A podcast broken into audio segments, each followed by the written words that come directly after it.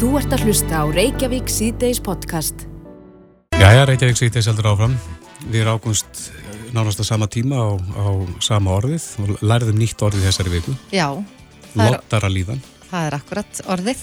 Mér finnst alltaf mjög gaman að læra ný íslensk orð yfir eitthvað sem maður hefur nú kannski kannast alveg við á ennskri tungu mm -hmm. og lottara líðan er sem sagt það sem er, heitar á ennskunni imposter syndrom eða imposter experience þannig að það er miklu skemmtilega að segja lottara líðan En veitu, hún er komið til okkar, eh, konan sem er bjóð til þetta orð, eða hannaði það, snaraði sig yfir íslenskuna, Berglind Ósk Bergstóttir, sem er tekstasmiður og réttöfundur. Velkomin. Takk fyrir. Stýrða þess út fyrir okkur, hvað er lottara líðan? Lottara líðan, það er þessi tilfinning þegar mann sko, líður eins og maður sé ekki nógu klár, maður sé ekki standa sér nógu vel og sérstaklega óttast sífælt að það komist upp um mann. Mm. Um, og svo, þú veist, er þessi líðan, þú veist, alveg kannski viðvarandi, þú veist, þrátt fyrir maður sé að ná árangri þá mm nærmar aldrei að fá trún og sjálfa sig Er þetta algengt?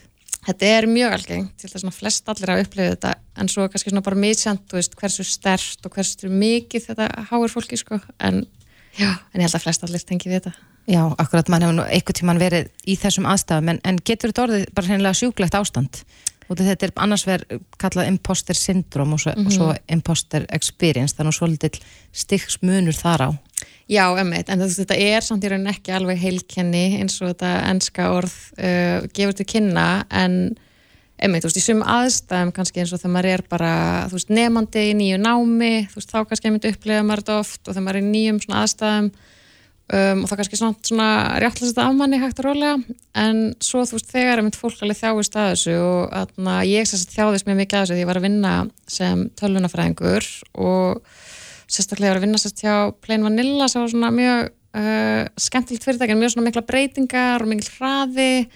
Og ég var í alveginu bara ég hugsaði alltaf bara eitthvað einn daginn þá komast að því að ég veit ekkert hvað ég er að gera veist, ég er bara eitthvað að reyna að finna út þessu en veist, þau halda, ég sé bara eitthvað miklu klárar en ég ekki slegar um, og þarna Var þetta að fara að háðir? Já, þetta er alveg svona þú veist auka svona stress og veldur alveg svona kvíða og álægi og þetta veldur líka oft því að maður fer að kannski vinna meira til að svona afkasta meiru. Og, atna, og þú veist ég held þetta að hafa alveg að hluta til orðið til þess að ég er endað þarna í kulnun á tjömbili mm -hmm. því að ég var, ég var mér var svo mikið í mjöguna sína að ég gæti þetta að ég var fann að vinna bara allt, allt og mikið.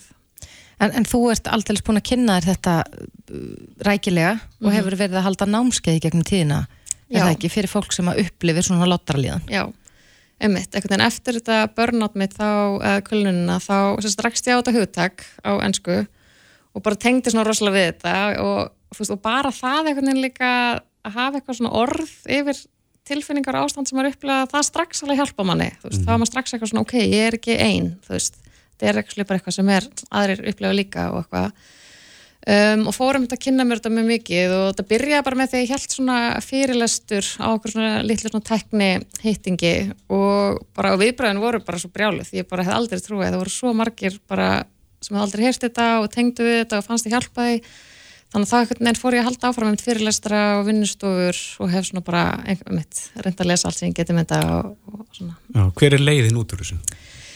Sko, ég myndi segja bara fyrsta skrifið er að vita hvað þetta er eitthvað neginn og hafa hýrt um þetta. Um, svo næsta er að tala við eitthvað um þetta, segja hvernig sér líður. Þú veist og fyrst getur það bara verið kannski einhver vinnur eða vinnufélagi sem það treystur þetta er mjög oft í vinnu að, aðstæðum. Mm -hmm. um, og þú veist ekki eitthvað neginn að, að leina þetta, leina þessu því þá verður þetta alltaf starra um, og svo hef ég líka bara verið kannski með svona praktísk ráð eins og bara setjast niður og, og pæla hans í bara svona styrkleikanum sinum um, og bara svona veist, komast að því hverju þeir eru og reyna svona að, að vinna þú út frá því og líka veikleikana, þú veist að sjá hverju þeir eru og svolítið kannski það ákveða þú veist, er þetta eitthvað sem ég ætla að bæta geti gert það og ef ekki um, þá kannski bara verði að setja hann við það en þú veist það gerir mig kannski ekki verri mannesku og ég get kannski talað um það og opna mig mm -hmm. það, það sé alveg, hana, já besta ræði sko. Er þetta, er þetta tengt um, já bara svona lágu sjálfsmati er þetta alveg svo djúft? Þetta alveg, getur alveg verið það alveg klálega sko. mm -hmm. þannig að já þannig að fólk hefur ekki mikið sjálfströst mm að þá er það jafnvel líklega til þess að upplifa lottaraliðan. Já, það er það sko. Svo hefur sínt sig að, þú veist, svona minni hluta hópar líka upplifið þetta oft, því þá er þetta kannski strax komin einhver svona stöðu sem að þið finnst þú kannski vera öðruvísi um, veist, konur verðast upplifið þetta meir oftar og líka kannski svona dýbra emitt, þú veist um, Já, þurfa að gera meira til að sanna sig. Já, og þú veist, það er einmitt þessi fullkomna orða líka og þú veist, kannski svona einmitt þekkt meðal hvenna að þú veist, þurfum að gera 120% til að finnast þér gera nóg þetta er alltaf tengt því einmitt líka, svona fullkomna orðu og, og vera kannski með svolítið óraunhefar vendingar með hvað maður getur gert og þá er einmitt oft gott að bara setjast niður og fara yfir það og na, skrifa niður eða tala við eitthvað skilur um einmitt styrkleika, veikleika paltið hvað maður hef, árangur maður hefur náð og hvert maður vil stefna og svona Heldur að meiri hlutin upplifið þessa tilfinningu? Fólk sem er að hlusta á okkur núna að... Já, ég held það. Já. Já, En kannski bara mismikið. já, um mitt. Akkurat. En um, já, þú, þú segir að, að þú fóst þarna í kulnun og, og uh, upplýðir mikla lottaraliðan þar á undan. Tókstu til í, í þínum málum og, og komstu yfir þetta? Eða finnur þú ennþá þessar tilfinningar mm. kræma? Sko, þú veist, ég komst yfir þetta miklu leiti, já, þú veist, emmitt, ég bara mitt vann í mýlum málum og þú veist, þarna, þú veist, fór líka alveg bara til sálfræðings og rættu við hann þar, emmitt um svona eitthvað væntingar til sálsminns og þannig og emmitt bara sér ráð og bara tala um þetta, en þarna, en svo er emmitt ótrúlega fyndið, ég var búin að halda fyrirlestar um þetta svolítið og þá held bara emmitt að ég var alveg komin með þetta, þá var emmitt nýlega byrjuð í, í svona nýju forritunarverkefni, svo bara svona, emmitt eftir svona eitthvað þrjá, fjóra mánuði þar og þá byrjaði ég alltaf að finna þessa tilfinning eftir og ég var bara eitthvað, hvað er þetta? Ég held ég væri að koma yfir þetta, búin að vera að segja öllum hvernig er ég að komast yfir þetta. Um, en þá fattaði ég mitt að mér hefði ekki verið gefið neinn, þú veist, endurgjöf í vinninni þú veist, það var ekki búin að segja við mig að tala við mig um hvort mér var að ganga vel eða ekki um, og þá fór ég strax einhvern veginn í eitthvað svona, guð, þá hlýttum við bara að ganga illa. Um, og þú veist, bað svo bara um endurgjöf frá temis þjálfanum mínum og leið þá strax miklu betur. Og svo er ég að fara að fatta þú veist þetta kemur stundum með mig þegar nýjum aðstæðum, eitthvað allt nýtt. En ég get núna sagt meira bara svona að já, hérna kemur lottar að leðaninn skiluru og þarna þá er það bara búið. Mm -hmm. En heldur þetta, tengist þetta starfinu eða, eða tengist þetta samböndum líka? Sko það hefur svona mest verið kannski fjallað um þetta í samhengi við starf um, en þú veist heldur þetta eigi alveg við svo sem á öllum sviðum líka sko mm -hmm. það geta alveg gert það Já. að makin kannski komist að því að maður sé ekki eins góður eins og Já, en það sýnist. er kannski svona já, það er sem kannski svona aðeins erfiðsi mm. en, en þú skrifar nú ljóðabók um lottaraliðan Já Hvernar í fyrra? Já, hún kom út í fyrra ég, na, hún var alveg svolítið lengi í, í þróun Já, hún byrjaði sem svona hálger svona einhver sjálfsjálfarbók um, en svo fannst mér bara eitthvað svo leiðilegt að skrifa það og og var ekki svona, það er ég fara að skrifa eitthvað enn eina eitthvað svona sjálfsjálfabókina og, uh, og ákvað þá bara að breyti sig aðeins, þannig að þetta eru um svona ljóð og örsugur og hugleðingar uh, sem eru bara allar fjalla um svona mismunandi fleti á lotarlegan. Akkurat, og varst að gefa út nýja bók núna? Já, og svo bara síðustu vika var ég að gefa út uh, smásagnasapn, þetta er breytt ástand. Akkurat. Já, spennandi og eflust margir sem að tengja við þessa lotarlegan hlustendur sem er að heyra þeir tala um þetta hér. Já, eflust margir sem er að heyra þetta orðið fyrsta sinn. Já, það hlýtur að vera. Berglind Ósk Bergstóttir, tekstasmiður og rittvöndur. Kærar þakki fyrir komuna. Takk fyrir mig. Þú ert að hlusta á Reykjavík C-Days podcast. Jæja, Reykjavík C-Days heldur áfram og nú ætlum við að snú okkur að uh, kjara málum. Já, við uh, vitum alveg að þetta verður það sem við munum ræða næstu mánuði. Mm -hmm. Kjara samningar, uh, kjara viðræður og það eru þetta hart tekist á þarna. Já, já, og svo eru hérna stjórnarskipti í alltíðsambandinu, þannig að það er spurning hvernig það allt saman fyrr. Já, það var aðtilsverð frétt á stöð 2 núni í vikunni þar sem að tala var við Alstein Leifsson, ríkisáttasemjara mm -hmm. Og í þessari frétt kom fram að yfir 99% kjærasamninga á Íslandi renna út áður en að nýr kjærasamningur er gerður. Einmitt. Margir hafa bent á það að, að, að, að það væri nú hægt að setjast fyrir við samningaborðið meðal annars Freirik Jónsson, mm -hmm. formaða BHM. Einmitt. Ég við skulum bara byrja þarna. Er þetta bóðlegt? Viljánur Birgisson, verkefliðsleit og í að skæðanum, er mættu til okkar og Haldur Benjamin Þorbergsson, frangotastjóri samtaka atnulífsins. Velkonir, félagar. Takk, takk, takk. Við byrjum á þér, Vili. Er þetta bóðlegt?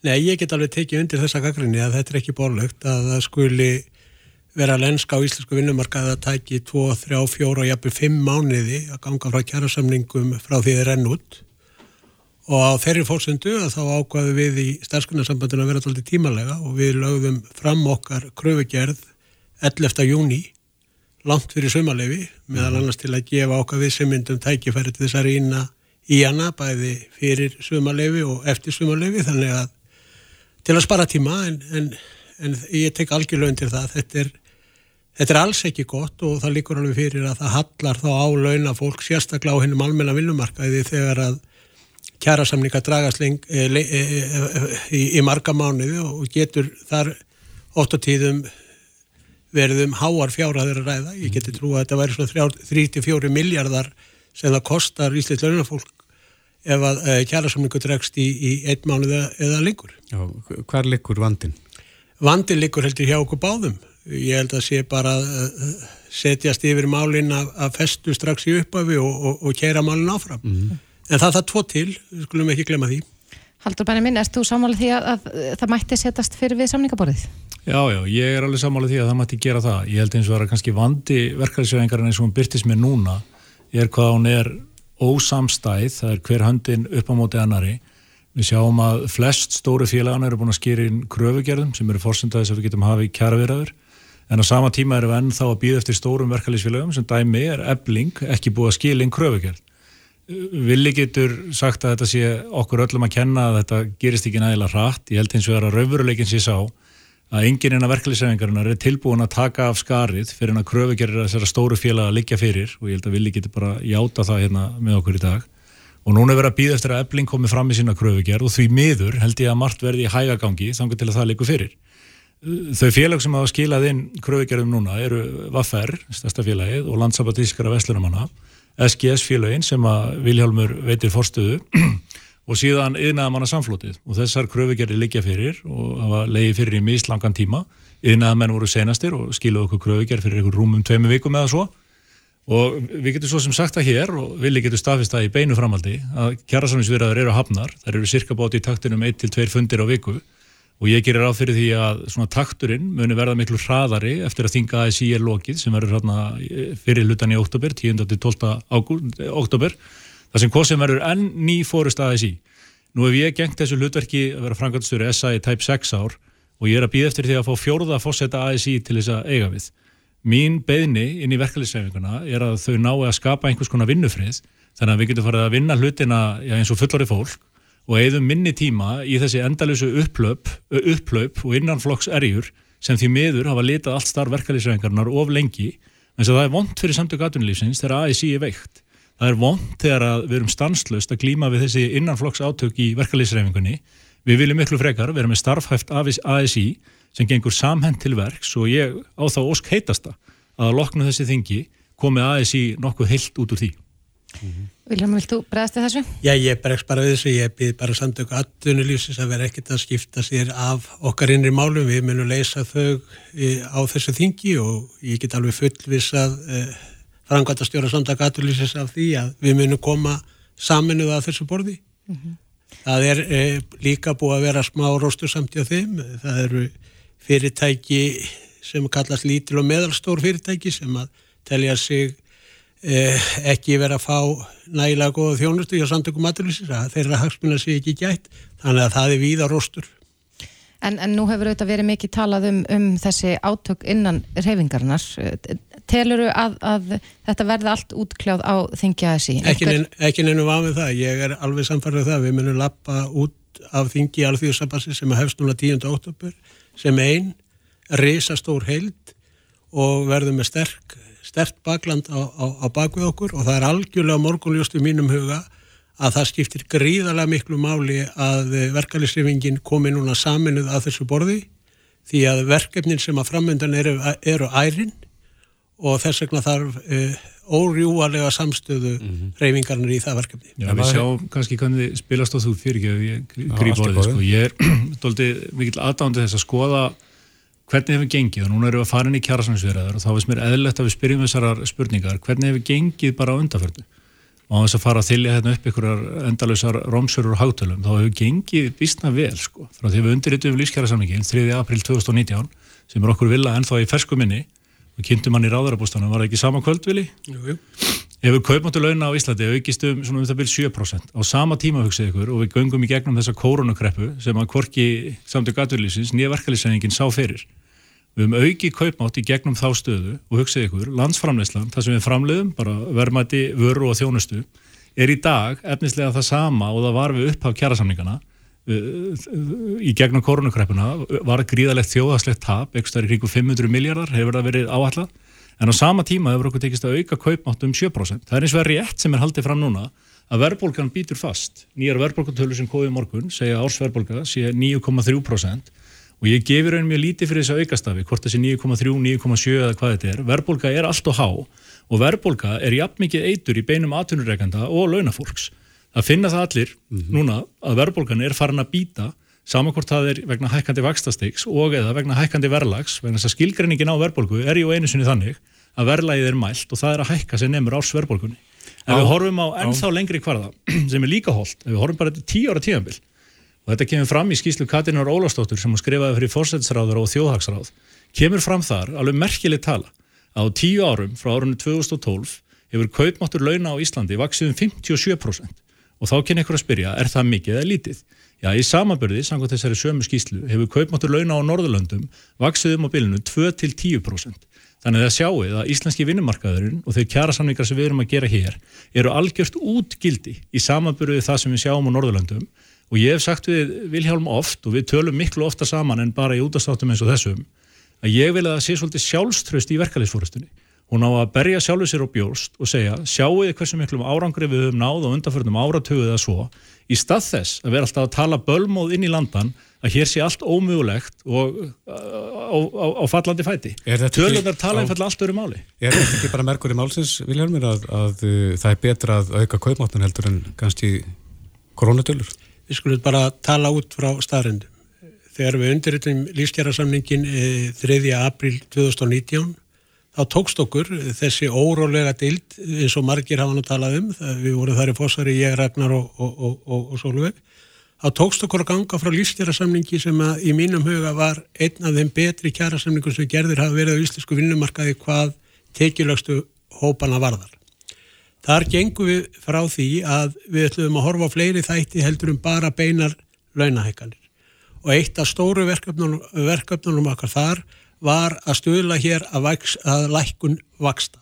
Það var með þessi að skrifað inn í kjærasamningin hjá okkur eða, eða svona hliðarplagg að ef að vextir myndi ekki lækka um 2% þá getur við sagt samningunum upp.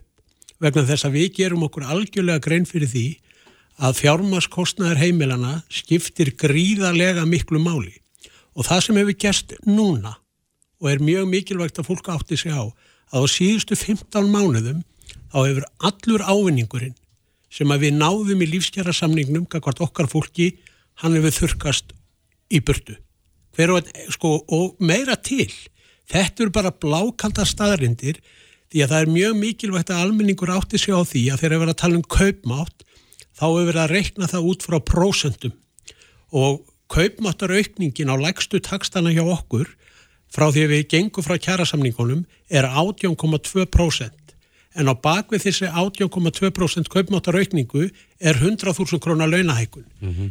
en vaksta hækkanina bara einar og sér sem fólk hefur verið að fá núna undarförnu eru hærri heldur og svo tala. En það er leggjast líka á atvinnu lífið, er það ekki? Það er nefnilega góðu punktur og eina megin ástafanu fyrir því þegar við gengum frá kjærasamningunum síðast og gengum á fund sælabankastjóra til að spyrja sælabankastjóra að því hvað þurftu við að gera til að vextir hér myndu lækka. Þá sagðu, sagðu samtök aturlýsins að það skipti þau gríðarlega miklu máli og tökum dæmi því. Fyrirtækin á Íslandi sanga takstofunni skulda 5.000 miljardar sanga takstofunni frá árunni 2020. 1% vakstahækkun ef að það skila sér að fullu á skuldir fyrirtækjana þá er það 50 miljardar og það er jafn mikið og kostar ganga frá kjærasamlingum á hennum almenna villumarkaði. Þess vegna hef ég aldrei skilið þegar að samtöku aðlýsi segja núna að þau skilji aðgerðir Sæðlabankans í ljósi þess hvaða gríðalega e, mikill kostnaði leggst á fyrirtækin en takið eftir hvert fer þessi, e, hérna, þessi fjármaskostnaður hann fer beint út í vellæð hækkar síðan aftur verðbólguna og að endanum er það neytundur sem þurfa að borga fyrir það. Það er alltaf neytundur og endanum sem þurfa að borga fyrir það. En aðalatrið er það að við stöndum bara frammi fyrir því að það er búið að þurka út allan ávinningin okkar af lífskjara verðbólgan í dag er ekki launatrifin. Við byrjum enga ábyrð á verðbólgunni og síðustu 12 árum er 50% af verðbólgunni í Íslandi knúin áfaram út af einum lið í vísitölni sem er, sem er svo kvöldur reiknuð húsalega eða hækkun á fastegnaverði. Við byrjum enga ábyrð á henni. Og ef að Haldur og félagar og Sælabankin myndir nú geta bent á okkur í verkefnisrifingunum sagt á síðustu 12 árum er það ykkur í verkefnisrifingunum að kenna 50% af verðbúkunni. Ég er hættur um að sérsveitin myndi bara koma að ná í okkur og loka okkur inni. Það er 20 þessu sem það er að breyðast við sko. Í fyrsta þegar það er að ræða um sko, skuldsetningu og atvinnulífsins, þetta er mjög algeng hugsunavilla þegar fólk er að tólka hagfræði. Hún er svo algeng Arnó Sigvardsson, fyrirverandi aðstofa selabakastjóri, skrifaði greinagerð fyrir fórsættisráðara og þjóðasráð þar sem hann tekur sérstakka efnisumfjöllun um þessa hugsunavillu. Það er að segja að hækkandi vextir hafi bein áhrif á verðbólgu vegna þess að fyrirtæki nýta vakstakostnaði út í verðlag. Hann orðar þetta svona, ég lagði þessa efnisgrein efnislega á minnið. Hann sagði það er algeng hugsanavilla að fólk hugsi með þessum hætti. Sá sem gerir það og er kannski frægastur í heiminum í dag er Erdogan Tyrklandsforsiti. Hann hefur rekið núna tvo sæðlabakastjóra fyrir að gera nákvæmlega þetta að hækka vexti í vaksandi verðbólgu þar til hann fann sæðlabakastjóra í þriðju tilraun sem hefur hlýtt honum og lækka vexti. Verðbólguvæntingar í Tyrklandi eru núna um það byrja 80% og verðbólga er um 80% og svo klikkir Arnur út með þessari setningu sem mér fannst mjög sniðug sama hugsunavilla á við hjá mörgum í íslenskari verkaliðsegu, punktur. Þetta gerir Arnór Sigvardsson fyrir um sælabakastjóri mjög snirtilega í þessari greinagerð fyrir þjóðasráð og ég veit að Vili vil lesa þetta nei, nei, og hann ætti að funda með Arnór um þetta sko. Þá var ég að spyrja því Haldur vegna þess að þegar við erum hér sælabakastjóra og þú ert að tala akkurat um það við þurfum að nániði vöxtunum hvað það skiptir miklu máli fyrir fyrirtækin þannig að þá verður fjármarskostnarinn hérna læri í höfum og þá verður svigurumi til launabreitinga herra. Þetta var eina fórsundunum líka fyrir ykkur að selja samningin en núna talar alveg í kross. Já, breytar sem við breyst þar og ég er náttúrulega, við höfum tekist á svo oft um þetta í og viljið. Það er eiginlega ósækjalt að við förum í svona útastátt. Við erum strax konir í spólu 14 sko. Breytan sem að hann horfir alltaf framhjá, Vili er mjög mælskur og setur hlutinu fram á mjög skemmtilegan máta og þess vegna er að vinsætt gestur í útastáttum eins og þessum. Hann eins og er ignorar alltaf ykkur eina breytu og horfir algjörlega framhjáðan. Það sem hefur breyst frá gerði lítkjara samlingana mm -hmm. er að við erum með viðvarandi verðbólka á Íslandi og í umheiminum öllum.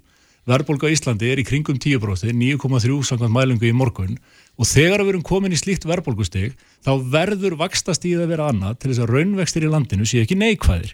Þess vegna segi ég, Sæðlabanki Íslands hefur mjög mikinn trúverðuleika um þessar myndir og ég er að ræða við Villa og aðra verkefliðsleituga um það Akkur er með ekki vextir ger... verða neikvæðir? Þeir eru búin að vera neikvæðir í, all, neikvæðir í allri Evrópu um áratuga skeið.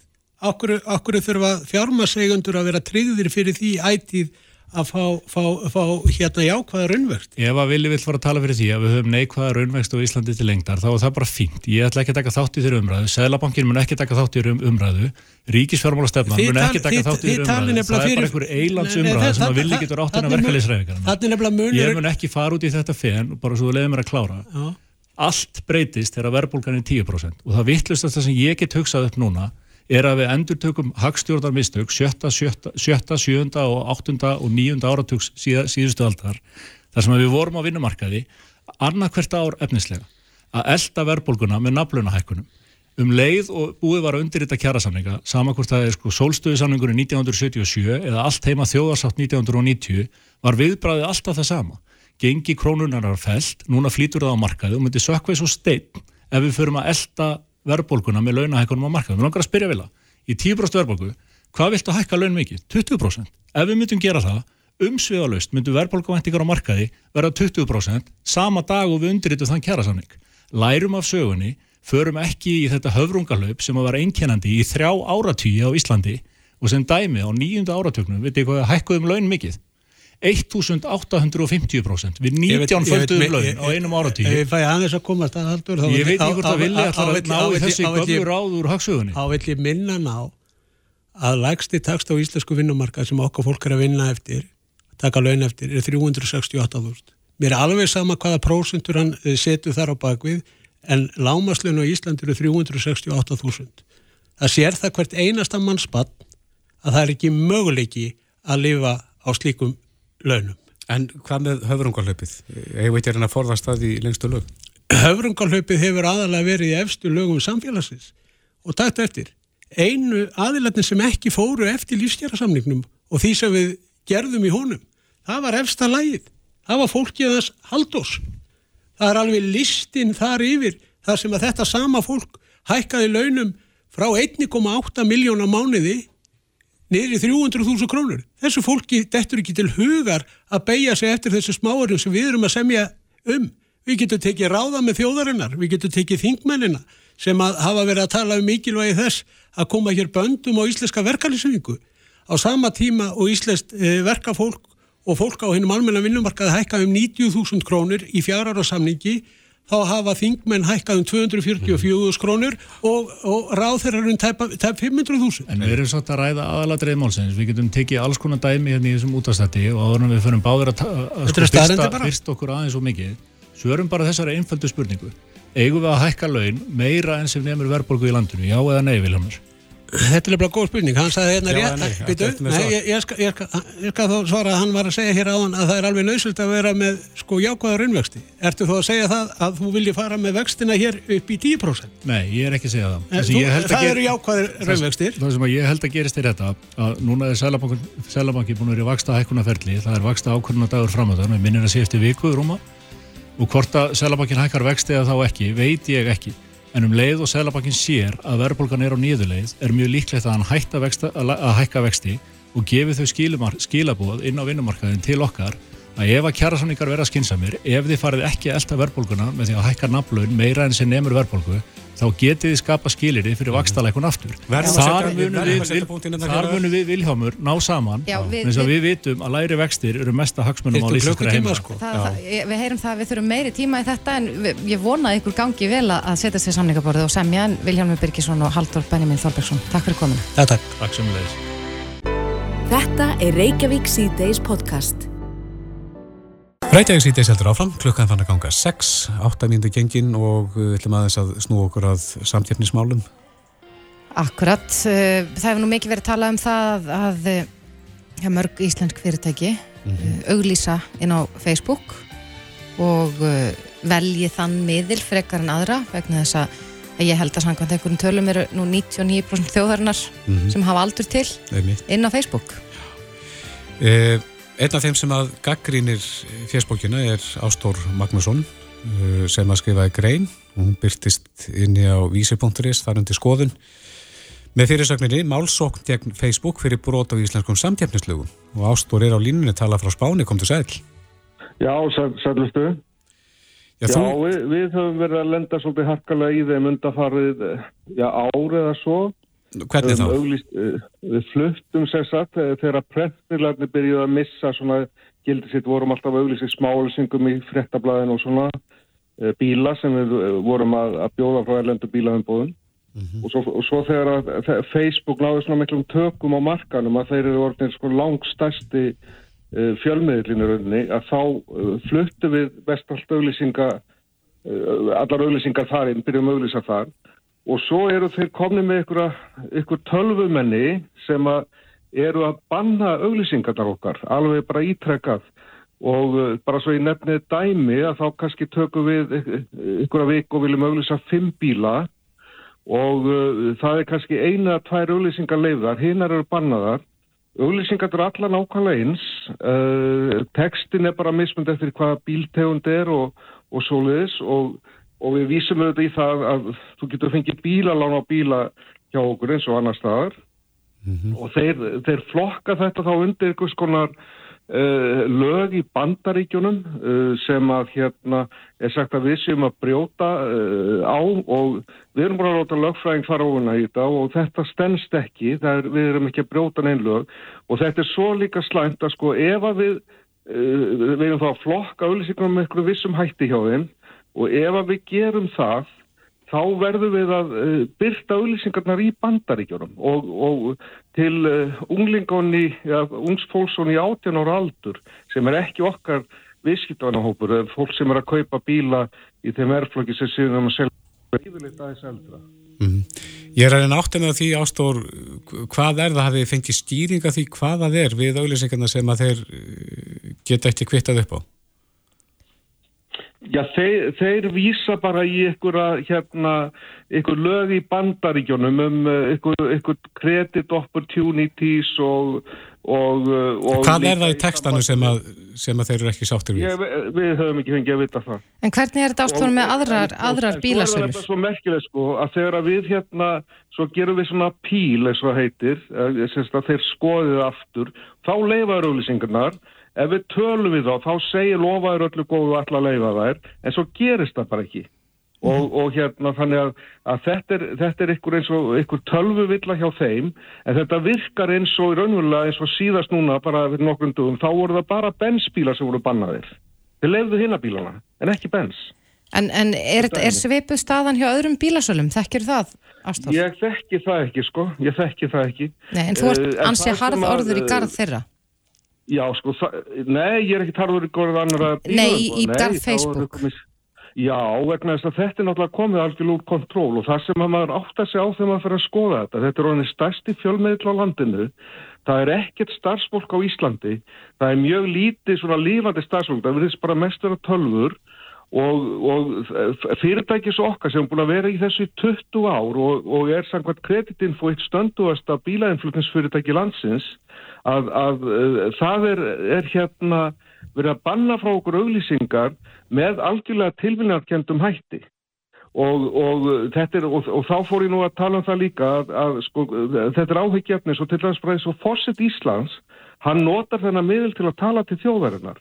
Sama gera ráðuneyti, ráðherrar uh, ofinbæra stopnar eru að auglýsa þarna við þurfum átt okkur á því sko ef, að, ef, að, ef að þetta er ekki svona, þetta Facebook að svona miklu ábyrðaleysi, þá er þetta orðið í raunulega eitthvað sem var það þjóðar öryggi Íslandinga að nota ekki þennan miðil til samskipta frá aðstöður áðamennum þjóðarinnar. Vegna þess að þessi fjölmiðl getur bara skrúa fyrir það á einu vettfangi að þeir nái til þjóðarinnar ef þeir nota þennan miðil. Og það, ég hef nú talað um þetta við einn ágættan sem er uh, á tingi og, og í ríkistjórn og allt það um, um þetta að, að það þurfi raunverulega að uh, setja upp á Íslandi einhvern íslenska fjölmiðl til dæmis samstarf íslenska fjölmiðl eitthvað í samgetni við þetta vegna þess að uh, þetta erlenda bandariska fyrirtæki sem er rekið sko bara úr skuffu fyrirtæki á Írlandi, reikningarnir til okkar fyrir auðlýsingar koma bara frá litlu skuffu fyrirtæki í Breitlandi, eða fyrir ekki Írlandi mm. og það er engin símanúmer það er, eh, þeir byrta ekki einu svona eh, alvöru heimilisvokki, það vant að postnumri heimilisvokki sem þeir byrta nú er ég náttúrulega búin að grafa upp allt hvað þetta fyrirtæki er og, og það er gegnum bara ofinverð gögn á Írlandi og erum að byrja að senda núna stefnur á það og gegnum dómskerfi það því að þeir svaringum brefum brefi frá lögfræðingi okkar var ekki svarað bref, eh, eh, sem að við sendum með 12% til þeirra þeim er annarkvárt bara kemur bánsa tilbaka og má ekki senda út af netfóng eða þessu svara bara eh, með einhverju bara hringrásrulli sem að leysa aldrei málið. En þú bendir á í þessari grein ástóra að, að Íslensk fyrirtæki sé að greiða 50 miljardar í auðlýsingartekjur sem að, sem að fésbókina Facebook borgar ekki skatta af hér á landi. Já, já, það er mestu hlutin á 8 árum, það voru 50 miljónir, ég fann þetta held ég á kjarnanum að þeir höfðu skrifað um þetta og farið onni í þetta. Og mestu hlutin að þess að fara á Facebook, það er stærsti auðsingameðli, hitt er náttúrulega Google og, og hérna og þetta er auðvitað mjög óheilegt því að til dæmis fjölmiðlis og ykkar selur auglýsingar og það er rukkaður vaskur og allt, allt solis og það borguð af þessu gjöldteima það er starfsfólk að vinna við þetta á Íslandi sem að borga svo skatta á gjöld. Fyrirtæki borga skatta á gjöld á Íslandi. Þetta fyrirtæki borgar ekki neitt Það er teku bara peningan inn í sitt skuffufyrirtæki í Írlandi og svo eru þeir faldir í gegnum uh, svona flókin fyrirtæki við verðlendis þannig að þeir, uppi, þeir uppi staði borgóskup litla skatta sko. Mm -hmm. En, en, að, að, hérna, en Ástór, þú vilt þó áfram geta auglist þar? Sko, ég, ég, ef, ef, ef að stjórnvöld myndir loka fyrir Facebook algjörlega út af uh, þeirra uh, ólagmættu starfsum á Íslandi, þá myndi ég ekkit gráta það, það, því að þá get ég bara eins og aðrir löglist annar staðar. En meðan að þeir eru með yfirráðandi stöð á íslenska markanum, þá hef ég lítið val. Þá þarf ég að nota þennan þetta yllmenni, sem ég vil bara kalla vélmenni eða yllmenni, þá neyðist ég til að nota þetta. Til Já. þess að ná til viðskiptavina. En, en þetta, þetta er, ég er bara vekja aðteglandi, þetta er náttúrulega miklu stærra máli þess að snerti mitt fyrirtæki. Þetta snertið alla íslensku þjóðin. Ertu komin með lögfræðing í málið og ertu búin að stefna fyrirtækinu? Já, við erum búin að senda þess að uh, hérna bref út, uh, það var gert í 15. ágúst og það er eftir margra mánuða tilhörnir að reyna að leysa þetta öðruvísi. Því var aldrei svara, það er búin að senda það aftur og núna er við að byrja að setja inn stefnur og ég ætla að setja inn eina stefnu á hverja auglýsingu sem er bönnuð, þannig, að það er skipta tögum sko. Og, og ég ætla að setja þær inn þarna, það er, í gegn, það er að setja þær inn í gegnum uh, vefgátt á Írlandi. En, Þannig en að það byrjum við að gera. á hvaða grunni er stefnan? Ertu að stefna Facebook fyrir, fyrir sko brot á samkeppnislögum? Já, sem sagt skadabætur fyrir hverju auðlýsingu sem þeir banna. Af því að það, þeir eru ekki með neinn sko lög til að gera þetta. Þeir, þeir eru að hengja sig ykkur að, ykkur að banderska lögju sem á ekkit við þessar auðlýsingar og á ekkit við á Íslandi. Við erum ekki undir banderska lögum. Nei. Hvað gerur að háa kröfu á hverja auglýsingu? Já, uh, sko í þessu uh, sjálfvirka kerfi sem er hægt er að setja svona á ve- vefnum, sko, þá er hægt að gera kröfu upp á 200 2000 uh, evrur, það eru er nála 300.000 íslenskar og þess vegna þarf að setja þá kröfu á hverju auðlýsing og þá náttúrulega byrjar þetta tikkin en það sem að ég er auðvitað að reyna að ná fram að þá kannski byrja einhverjir menn þarna í þessu skúfu fyrirtæki að kíkja hann í skúfurnar og sjá hvað er að berast frá dómskerfinu í Írlandi og kannski byrja þær þá að reyna að skoða mál og svara ykkur viti. Já, það verður frólægt að vita uh, hvað árangruðunarð í þessu máli en Ástór Magnússon. Kæra þakki fyrir spjallið. Já, takk fyrir. Það er búið að vera ansað mikil umræða upp á síkastu um ADHD. Já, ekki á óþörfu. Nei, það var nú viðtal við uh, geðleikni í Íslandi í dag í síðustu viku þar sem hann talaði um það að, að það væri hreinlega ekki einu svona búið að greina alla sem eru með ADHD. Uh, samt er við held ég að, að slá einhver met í, í fjölda þeirra sem að glíma við ADHD hér á landi Já, og uh, já, samfélagslegar umræður um ADHD eru oft, já kannski ekki alveg réttar. Mm sumir vilja meina við séum öll bara með svolítið ADHD og, og gætum öll fengið þessa greiningu. Já. Og svo hefur verið ykkur umræða gegn ADHD livjum. Já, það var ansi mikið fjadrafók á Twitter um daginn þar sem að, að maður nokkur segir það að, að já, þeir sem taka ADHD liv séu bara uh, svona fókusiru vegna þess að þau eru á spýtti. Uh, en okkur skilst að það sé nú ekki alveg raunin. Og það byrtist grein inn á vísi.is þar sem að, er akkurat verið að fjalla um þetta. Og það er hún Anna Tara Andrisdóttir sem er doktorsnemi í heila hugastarfsemi og hegðun við háskólinni í Barcelona sem að skrifar þessa grein. Og hún er á línunni hjá okkur í dag. Komdu sæl. Hæ, hæ. Já, Anna Tara, þú ert þarna að skrifa um, um já, eða spyrð hvort að skoðanir fólks á ADHD-livjum byggja á rannsóknum og ferð þarna svolítið yfir rannsóknir. Finnst þér umræðan skökk? Já, hún byggir allavega ekki mikið, uh, hún gleymir allavega einhvern veginn þekkingunni sem við höfum. Það er til mjög, þetta er uh, örfandi ADHD-lif, eru mest rannsök, rannsökuðustu lif af öllum og þeir eru rannsökuð á mörgum mismöðandi aðilum, ekki bara frá framleiðandum sjálfum, smáðu kannski til að, að vera hlutdragur, heldur á mörgum mismöðandi aðilum og í mjög langan tíma, þannig að veist, þau eru mjög, já, þau eru mjög þekkt Og og hvað, virknið er mjög þekkt. já, og hvað segja þessar rannsóknir okkur? Já, það sem kannski minna þekkt er líka áættunar af því að taka ekki lif. Mhm. Þannig að rannsóknar fyrst segja þau sko bara að lifin séu örug og þau mingi að ég háti enginni töluverk. En síðan líka uh, eru svo margar áættur sem fylgja að ég háti. Uh, þannig að það er mis, hérna, námsárangur oft erfæri og þarlendi kannski erfæri líka að finna vinnur og haldast í vinnu og síðan eru auk, aukin áhætta á fík, á glæbastarfsemi og já, á mjög mörgu. Og þannig að í rauninni þegar maður tala um áhættur að lifjum þá ættum maður kannski að tala um áhættunar á að taka þau ekki. Akkurat. En þú ferð aðeins yfir þetta þarna í greininu og talar til dæmis um, um. Einmitt. Er, er meiri líkur á maður, maður slasi sig ef maður er með ADHD sem er ekki meðhendla með lifja með þér? Já, alveg töluvert mikið og þó að sé aðeins mismöndi hvernig sögni finna en þá uh, er það fyrst og fremst kvartvísi og líka með að lífsaldur hjá með ADHD er, er almennt svona 9 til 13 árum minni Uh, þannig að, í- já, talgjum þegar eru börn og fleira, þannig að það er einmitt algengara umferðslis, já, og svo bara ótrúlega mörgslis og því miður líka sjálfsvíkspíni. Uh, já, þannig að fólk á eiginlega hafa þetta í huga þegar það er taka ákvarðin um að hvort það er bara að lifa, börn er, er bara að lifa. Og ég held því miður að uh, læknarnir eru sér oftast ekki að gefa þeim þessu upplýsingar og gæðlæknir við höfum fá rosalega litla mentun um að ég háti, þetta er mjög flókið. Já, getur farið eins yfir þessa þætti, þú, þetta er ansi merkilegt, þú nefnir þetta nokkur atriði varandi slísahættuna. Mm uh, hva, hvað meinur þau? Eins og til dæmis uh, þessi danska rannsók sem að fann út að slís minguðum 30-40% hjá 10-12 ára börnum sem tóku aðti hátilif. Já, akkurat. Uh, já, bara þess að hjá þeim sem tók að þjátti lifa þá, þá eins, eins og segir þarna, uh, já, þá mingu, minga á þetta svo mikið. 70% lægri tíðin á heilaskaða. Já. Og hvað veldur því? Er það... Nei, allt í lagi, en, en til dæmis eins og varandi 70% lægri tíðni á heila skaða, er það Mhm. bara hreinlega vegna þess að, að höfuð höggur þá tíðari hjá þeim sem eru með ADHD? Já, ég held að flestir sem ekki eitthvað með ADHD kannast kannski við það.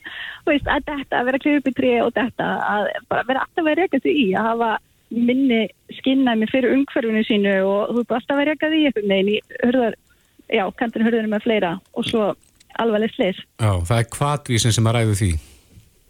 Svona oftast, já. Mm Þetta, hvað við því er að framkvæma án þessu hugsa. Já, en nú hefur maður oft, eh, sko, þessi, þessi tauga þróska röskunni mikið, mikið rætt hér á landi. Finnst þér eins og það séu, já, hreinlega fordómar gagvart livjanótkun í, fyrir það sem að glíma við ADHD? Já, heldur betur og sérstaklega gagvært lifjum. Ég veit ekki okkur fólk er svona sérstaklega mikið á móti þessi lifjum frekar en einhverjum öðrum af því að ef þú ert að taka allaveg insulín uh, við sykusíki þá er það ekkit efast um það. um, já, þannig að það er eins og fólk sko almennt svona ég er upp með að trúa því að ADHD geti verið svona hamlandi. Þetta er auðvitað, hamla fólki mjög mismikið, fólk er með misalvarlegt ADHD en það getur hamlaðir mjög mikið. Um, já, og lifin virkar rosalega vel við að draga úr þeim. Þannig að það byrja kannski rauninni þar að fólk takja ADHD ekki alveg alvarlega og þá helst er áhætta á að ADHD þróist út í mótrúa þrjóskuröskun eða sérst með það sem fylgjur öskun og þá sérstaklega eru meiri líkur á fangelsi og fleira. Þannig að ef þú tekur lifin snemma, eða hjá börnum ef við byrja að taka lif snemma, þá dregur úr þessari áhættu uh, að það fari á þennan veg. Sérstaklega ef það er í fjölskyldinni, þá er ótrú, ef það er mótrú og þrjóskuröskun í fjölskyldinni, þá er ótrúlega gott að vita af því að því að það er mjög nærverð að gripa inn í setna. Akkurat. Það er mjög sorglegt. En, en ADHD lif hafa nú þróast mikið á undanförtum árum eins og, eins og ég talaði um hérna umræðan á Twitter þar sem tala var um að, að já, allir sem tækju ADHD lif væri bara hreinlega á spýtti. Hefur þetta breyst? Eh, Þetta er ekki spýtt, er, það eru tvö virk efni, það er amfetamin eða metalfinidat um, veist, og sem sagt, það sem það gerir fyrst og fremst er að hækka dopamin. Þannig að eh, fólk með ADHD er oftast með dopamin of lágt. Þannig að það setur dopaminni þitt í eðlegt form. Þannig að þá er þú komin á, á þann stað sem að annað fólk sem ekki með ADHD er á. Þannig að þá átt ekki að vera á spýtti eða þannig, ekki- það er ekki að líta þannig út og ef það lítur þannig út, þá er skampurinn á hás og þess vegna er oft spurt en það, það get ekki bara allir uh, gert betur í lífinu ef þau taka ADHD lif og svarið er nei, fólk sem að tekur sem er ekki með ADHD en tekur þau þá til að verða ofkvartist Mm það er í próf og svara spurningum of rætt og ónákvæmt En annar tala, telur þau að umræða, svona neikvæð umræða um ADHD-lif geti verið skadileg? Já, mjög, af því að ég held að margir ger sér ekki grein fyrir sátsökanum sem að getur fyllt þessu. Ég tala ekki um að vera mótur á þjóskuröskun. Um, þannig að það er rosalega mikil ónærgætni og, og skilningsleysi og fólk með fulleringar og tjásum mannskunar við fólk sem að e, þekkir það bara miklu, miklu betur af eigin skilni. Þannig að það er ekki um að vona að þetta snerti fólk öfust oft. Akkurat. Já, þetta er mjög áhugavert og, og þarna ert þú nú búin að koma á framfæri allskins fróðleik fyrir þá sem voru kannski ekki nægilega vel að sér í þessum öfnum. En Anna Tara Andrisdóttir, doktorsnefn í heila hugast... Einu við undurlókin. Já, ekkert mál. Bara mikilvægi þess að vera með fólk sem að greina vel. Af því að því miður er við líka heyrt að því að sko, skamtarnir sé ekki vel stiltir. Uh, já, þess að það sé ekki búið vinna nægilega vel að því að finna rétt lif og finna réttan skamt. Og það eru alveg ræðilega raflegingar af því. þannig að það verður að vera með gott mentafólk sem að þekkir það vel og kann að stilla lifin vel af. Akkurat. Já, Anna Tara Andrisdóttir, doktorsnemi í heila hugarstarfsemi og hegðun við Háskólan í Barcelona. Kærar þakki fyrir þetta. Takk fyrir. Á Bilginni podcast. Við heyrim alltaf annarslægið af tilraunum hakkara Já, til þess að ná yfir, eh, hérna, yfir áðum, yfir reikningum og það er bara Facebook eða Instagram eða þessi samfélagsminnar. já, það var náttúrulega einhver hreina í gangi hérna í fyrra þar sem að- fjölmargir áhrifavaldar voru hakkaður af einhverjum tyrkneskum aðalaskildismanni. En við heyrðum af vinnufélag okkar sem að bara lendi í þessu og hann er búin að vera skýr út úr okkur og hvernig þetta hakk gengur fyrir sig. Já, og hann er sestur hjá okkur, Heiðar Valur Bergmann. ætlar aðeins að fara yfir það og segja okkur hvernig hann fjalli í þess að gildur, komdu sæl. Hæ, hæ. Hvernig, hvernig virkar, virkar þetta? Hvernig vinna þeir? Nei, sko, fyrsta lagi er ég á fyssiljóni miðaldra. Nei, nei, ég segi svona. Uh, þetta, sko, ég uh, sé að vinur minn er hakkaður á Instagram. Mm. Hvernig sérðu það? Ég sé bara hann er með eitthvað skrítna bitcoin posta og eitthvað svona, þetta er eitthvað svona mjög skrítið, þannig að maður svona æjæ, það er búið að ná honum. Uh, en svo hérna líða einhverju dagar uh, og allt í hennu fæ ég skilabóð, bara svona, bara reyn og bein skilabóð Frá þessum vinni? frá þessum vinnum minni og, og hann segir uh, fyrirgeðu uh, að ég mætti tröflaði en getur þú gert mér greiða? Mm og, og hann er mjög kurtis þessi maður og þetta var, mjög, þetta var bara mjög líkt honum. Og ég svona segi bara já, hvað, hvað er þetta að spá, ekkert máli ef ég get hjálpa þér, þá bara ekki máli. Og þá kemur á fullkomnur íslensku bara, herðu, þú ert sérst einna eitt af tveimur sem ég get náði og ég þurfst til að ná aðgangnum mínum aftur hvort þú getur sendt mér enn link. Mhm. Og auðvitað áttu allar viðvörunarbjöllur að kvikna þarna en þar sem ég var bara eitthvað utan með mig og eitthvað þá bara ekkert mál og senda honum þennan link Hvaða linkur á það? ég, ég bara eitthvað linkur Bara sendi hann þér link til að senda sér? nei, hann sendi mér link held ég bara í SMS-i á Já. og sem að ég bara kópir það og sendi honum og bam, reikningunum minni farin Já. Þetta er ekki flokknar en það samt. Nei. Þannig að þú varst ekkert að opna linkin, slá inn kreditkortanúmer og Nei. líkilorð og... eina sem ég gerði var að bara að kó, kópir hann link þú veist bara, þú veist, já, og sendur hann Já, Veistu hvaða linkur þetta var? Var þetta linkur sem sagt, af reikningnum þínum? mm, ég bara þekki það ekki, þú veist, þetta var bara eitthvað svona eitthvað runa, eitthvað alls konar og, en svo ég fyndið við það að hérna, og það sem gerist svo að daginn eftir hjá mér þá fæ ég uh, mail í töluposti og bara hæ, þetta er hakkarinn þinn. Já, á íslensku? já, á svona, það var smá bjöguð íslenska. Já. hæ, ég er svo sem hakkaði hakkari eitthvað svona akkánturinn þinn. Og ég fór bara að spjalla við þennan mann eða konu eða, eða hvað sem er. En að því ég sá sko, ég fæ náttúrulega meldingu á, mail, á maili mitt um að það hefði annað tæki tekið yfir og það er frá Benin í Nígeríu. Þú veist ég sé það bara. Og það sem þeir gera, þeir breyta strax um, um hérna mail sem sagt. Þannig að þegar ég reyna að breyta passvorti þá fær hann alltaf Já, já. að því að það búið að breyta að- mailinu á kontinu mínum en hann var voða elskulegur og við spjöllum eitthvað og ég svona eitthvað og hann sagði ég vil gefa þér aðgangið þinn aftur og þá spjóst ég við eitthvað já, hvað viltu mikið penning eða, eða eitthvað svolítið en hérna og ég spyr hann bara af hverju viltu gera það? Og þá segir hann bara ég þarf ekki að nota hann. Við, og við erum farin að tala á ennsku þarna. Við fórum úr íslensku yfir í ennsku I don't wanna use it sagði hann. Og bað mig um að senda sér kóða og hann gaf mér passvortið af Instagraminu mínu. Uh, hann var búinn að breyta um passvort og ég sló því inn og komst inn og það fyrsta sem ég gerir er að breyta passvortinu strax aftur. En það virkaði ekki af því að hérna, hann fær alltaf meldinguna af því að hann er með meilið sitt. En hann var alltaf að reyna að ná símanúmerinu mínu. Ég fann það, hann, hann vildi fá númerinu mitt. Og ég held og svo er ég búin að tala við mann sem að þekkir þetta aðeins betur og er búin að halda ykkur podcast um hakkar og er, er eitthvað svona að pæli þessu. Að ég held að þessir blessaðir menn hann í Nígeríu fái, það er eitthvað valjú fyrir þá ef þeir ná bæði semst, mailinu mínu og, eða, eða, semst, og fá líka númerið þá geta Það þeir var að hérna- full yfir á kannski. Já, þá er það, og þá er það líka vesen fyrir mig að ná akkantinu tilbaka. Þá er það orðið mjög erfitt. En þetta gerist fyrst og fremst að því ég var ekki búinn að stilla á tvíþátt að auðkenningu. Tvíþátt að auðkenningu, rétt. Á góðri ennsku multifaktors eða two-factor Two- authentication. Já, já, já, já. já. Þannig að þá, þá er þetta auðveldara fyrir þeim Já. Þeir hefði ekki getað þetta ef að svo stilling hefði verið Nei, nei, þeir hefðu ekki, ekki svona En hver er staðan á þið núna fyrir ekki?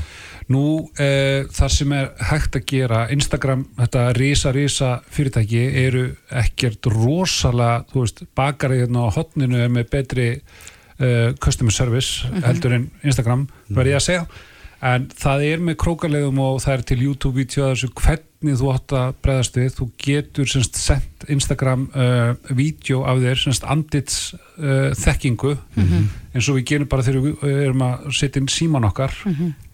að, hérna, að þú getur sendt þeim að því ef það eru til myndir af þér á reikningniðinum Mhm. þá uh, átt að geta auðkendið þannig en þú sendir þeim sérst, þetta selfie-vídeó og þeir koma svo tilbaka eftir þrjá fjóra virka daga að segja þeir Mhm. Og ég sérst bara býti því og á meðan er ekkert sem ég get gert Svo þú læstur úti en þá Já, En kom þeir á óvart, Heðarvalur, að þú skildi vera hakkað? Þú sagði reyna við okkur að þú væri bara nobody. Já. Þetta er ekki bara spurningum um fræga og fína fólkið? ég er búin að ansi lengi reyna að vera áhrifaldur, nei, nei en ég er það sannlega ekki, ég er bara með fáa fylgjendur og, og hérna það er svona ekkert valjú í mínum akkanti myndi ég halda, en það er eins og hann sem að ég talaði við sem þekkir það, það skiptir ekki öllum máli. Það er eitthvað, að þið ná ykkur um númerum, símanúmerum og eitthvað svona, það er eitthvað valjú fyrir þá. Af hverju bara, ég veit ekki alveg hvað það er sko. Nei, þetta er leitt að heyra og við vonum að þú fáir reikningiðin aftur svo getur haldið áfram þínum störfum sem arhavaldur.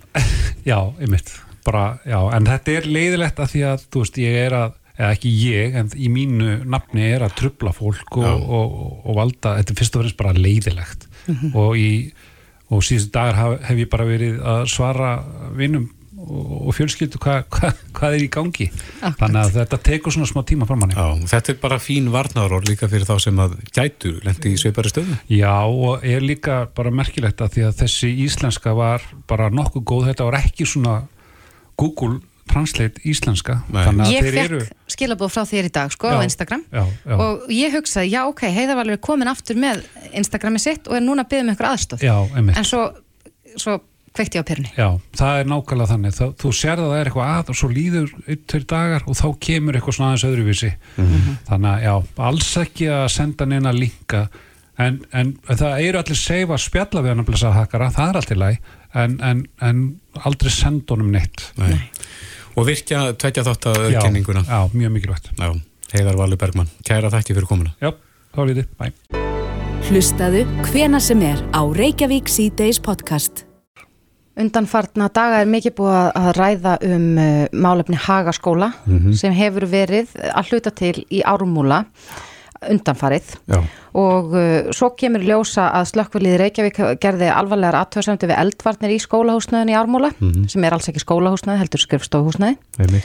og uh, það er farin af stað atburðarás og, og það var uh, felt niður skólahald í einhverja daga held ég alveg örglega Mhm. og nú er, er uh, búið að taka það ákvörðina að nefnendur allavega í áttundabæk í hagaskóla verði fluttir í korpuskóla í Gravarvogi. Og Þetta er bara hinn endin á borginni Já, en uh, samkvæmt nýjustu fréttum að þá er þetta skásti möguleikin í afleitri stöðu Mhm.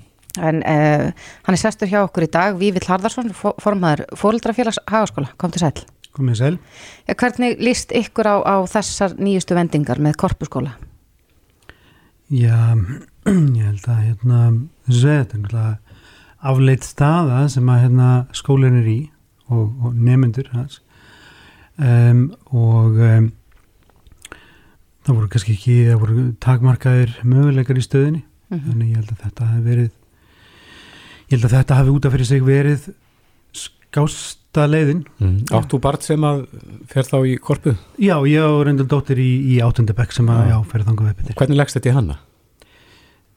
Já, aðlögunar hæfni hennar er nú kannski vel yfir meðalagi, þannig að svona, svona, ég kannski hef ekki stóra ágjör af henni, Nei. en hérna út af fyrir sig, en, en eins og, eins og náttúrulega oft er með svona raskanir á skólastarfi, þá Mhm. náttúrulega bitna þær kannski síst á þeim sem að, sem að eh, bitna helst á þeim sem að síst skildi. Já, Já þau lenda vantilega þarna í þessari allræmdu morguntrafík Er eiginlega kannski að keri öfu að átt við hana, eða hvað? Já, ég, ég hugsa það nú, ég á nú ekki ótt leið þarna upp eftir Nei. á, á hámótnana en, en hérna, en ætli séu nú ekki á, á móti umferðinni. En, en eh, já, börn í hagaskóla voru búin að vera ansi lengi í ármúla í þessu skrifstofuhúsnaði. Er það bara fyrst að, kom það bara fyrst í ljós núna að, að þessum brunavörnum var ekki nægilega vel sent og, og öryggi barnana tryggt? Já, skólahald hófst þarna í januar síðastliðin með sem sagt, uh, ef ég er að munna þetta rétt, þáverandi níundabekk Mm og svo bættist þáverandi áttundabekkur hérna við einhverjum já, einhverjum vikum held ég að hefði verið setna og, uh, og það þurfti náttúrulega að gera alls konar aðstafinir að hérna, stúka af kjenslistofur og, og gera breytingar Mhm. og já, það verðist einfallega að hafa verið þannig að, að hérna, Reykjavíkuborg hafi látið hjálíðast að leggja teikningar inn til byggingafulltrúa Reykjavíkuborgar áður en Reykjavíkuborg færði skólahald eh, úr Vesturbænum upp í skrifstofuhúsna í Ármúla um, og, og þar að leiðandi fór ekkert ekkert, einhvern veginn fer ekkert fram neitt mat á brunavörnum Mm. Hvernig var ykkur við þegar að þið uppgötuðu það að börnun hafi verið þarna í svona bruna gildru? Já, bara bústæðlega var nú bara alveg orðlaus vil nú að segja það sko og bara fóreldur náttúrulega bara stórkostlega misbóðið En þetta er auðvitað mál sem á sig langa sögu uh, eftir að það kemur upp mikla í hagaskóla og margir hafa nú bent á það að þetta er reynilega skortur á viðhaldi sem að, að er þess valdandi að miklan kemur upp og, og þessi atbyrðars fer í gang. mm Eh, Hvers krefjist þið? Já, náttúrulega fóreldrar náttúrulega vilja bara tryggja það að fyrst og fremst að skólahald sé sem mestu leiti óraskað. Mhm. þannig að hérna, börn miss ekki úr, úr skóla. Það, það hljóti nú að vera svona grundvallar krafan og jú, mikil óskup það að þau séu í, í örugu húsnæði. Það er hérna klárlega. Vitið þér, fylgist þið með framöndu mála í Haga skóla? Hvernig gengur að, að vinna á miklunni? Já, við höfum gert það við höfum gert það og, og svona Og hvernig gengur? Já, ég svo sem ekki fengi fréttir að því nýlega hvernig akkurat gengur í þeirri byggingu svona sem er verið að taka í gegn. Mm Það sem að okkur hefur nú kannski verið efst í huga er það sko hvenar verið hægt að koma börnunum semst, á skólalóð hagaskóla og það stendur til að sitja þangað svona færanlegar kennslistofur -hmm. og það standa vonir hérna, áallanir gera ráð fyrir því að uh, strax eftir áramót uh, verði komnar færanlegar kennslistofur fyrir helming barnana sem undanfærið hafa verið í ármála og þá uh, nokkur setna fyrir, fyrir hinn helmingin. Hafið þið fengið að ykkar mati fullnægandi svör frá borgar yfirvöldum um, um já, hvers vegna þetta fór svona? Þetta með brunavarnar? Já. Nei, við hefum ekki, ekki fengið, fengið það og, hérna, og það eru þetta afskaplega áleitin spurning og ég held að, ég held að foreldrar séu nú ekki búin að gleyma henni þó að þetta undarfarnar daga hafi mennum kannski fyrst og fremst verið að svona haft, haft augun á því hvernig sé hægt að vinna úr þessari stöðu án þess að skóla haldi raskist. Hefur verið settur eitthvað tímar á mig? Hvað verður eh, staðan lengi svona að, börnum verið kérið þarna upp í korpu?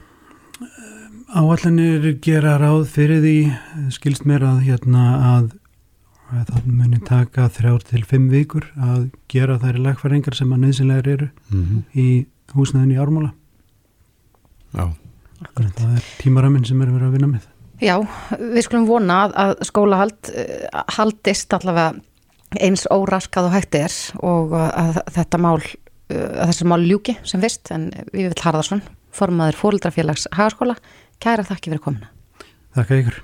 Saga Miklu eh, er orðin svona frekar sorgleg fyrst manni? Já, og uh, það verist ekkert lát vera á þar, Nei. því miður. Einmitt, er það við erum að segla í mark? Já, Við ætlum að fara að skipta yfir á fréttastofuna Já. en við verðum að sjálfsögða aftur hérna á morgun á slæginu klukkan fjögur. Já, við minnum að það að við tölun allu þættinum eru komin inn á vísi.is og hægt að hlusta í gegnum Bildju appið en Þórdís Bræði og Kristófi þakka fyrir sig. Verið sæl.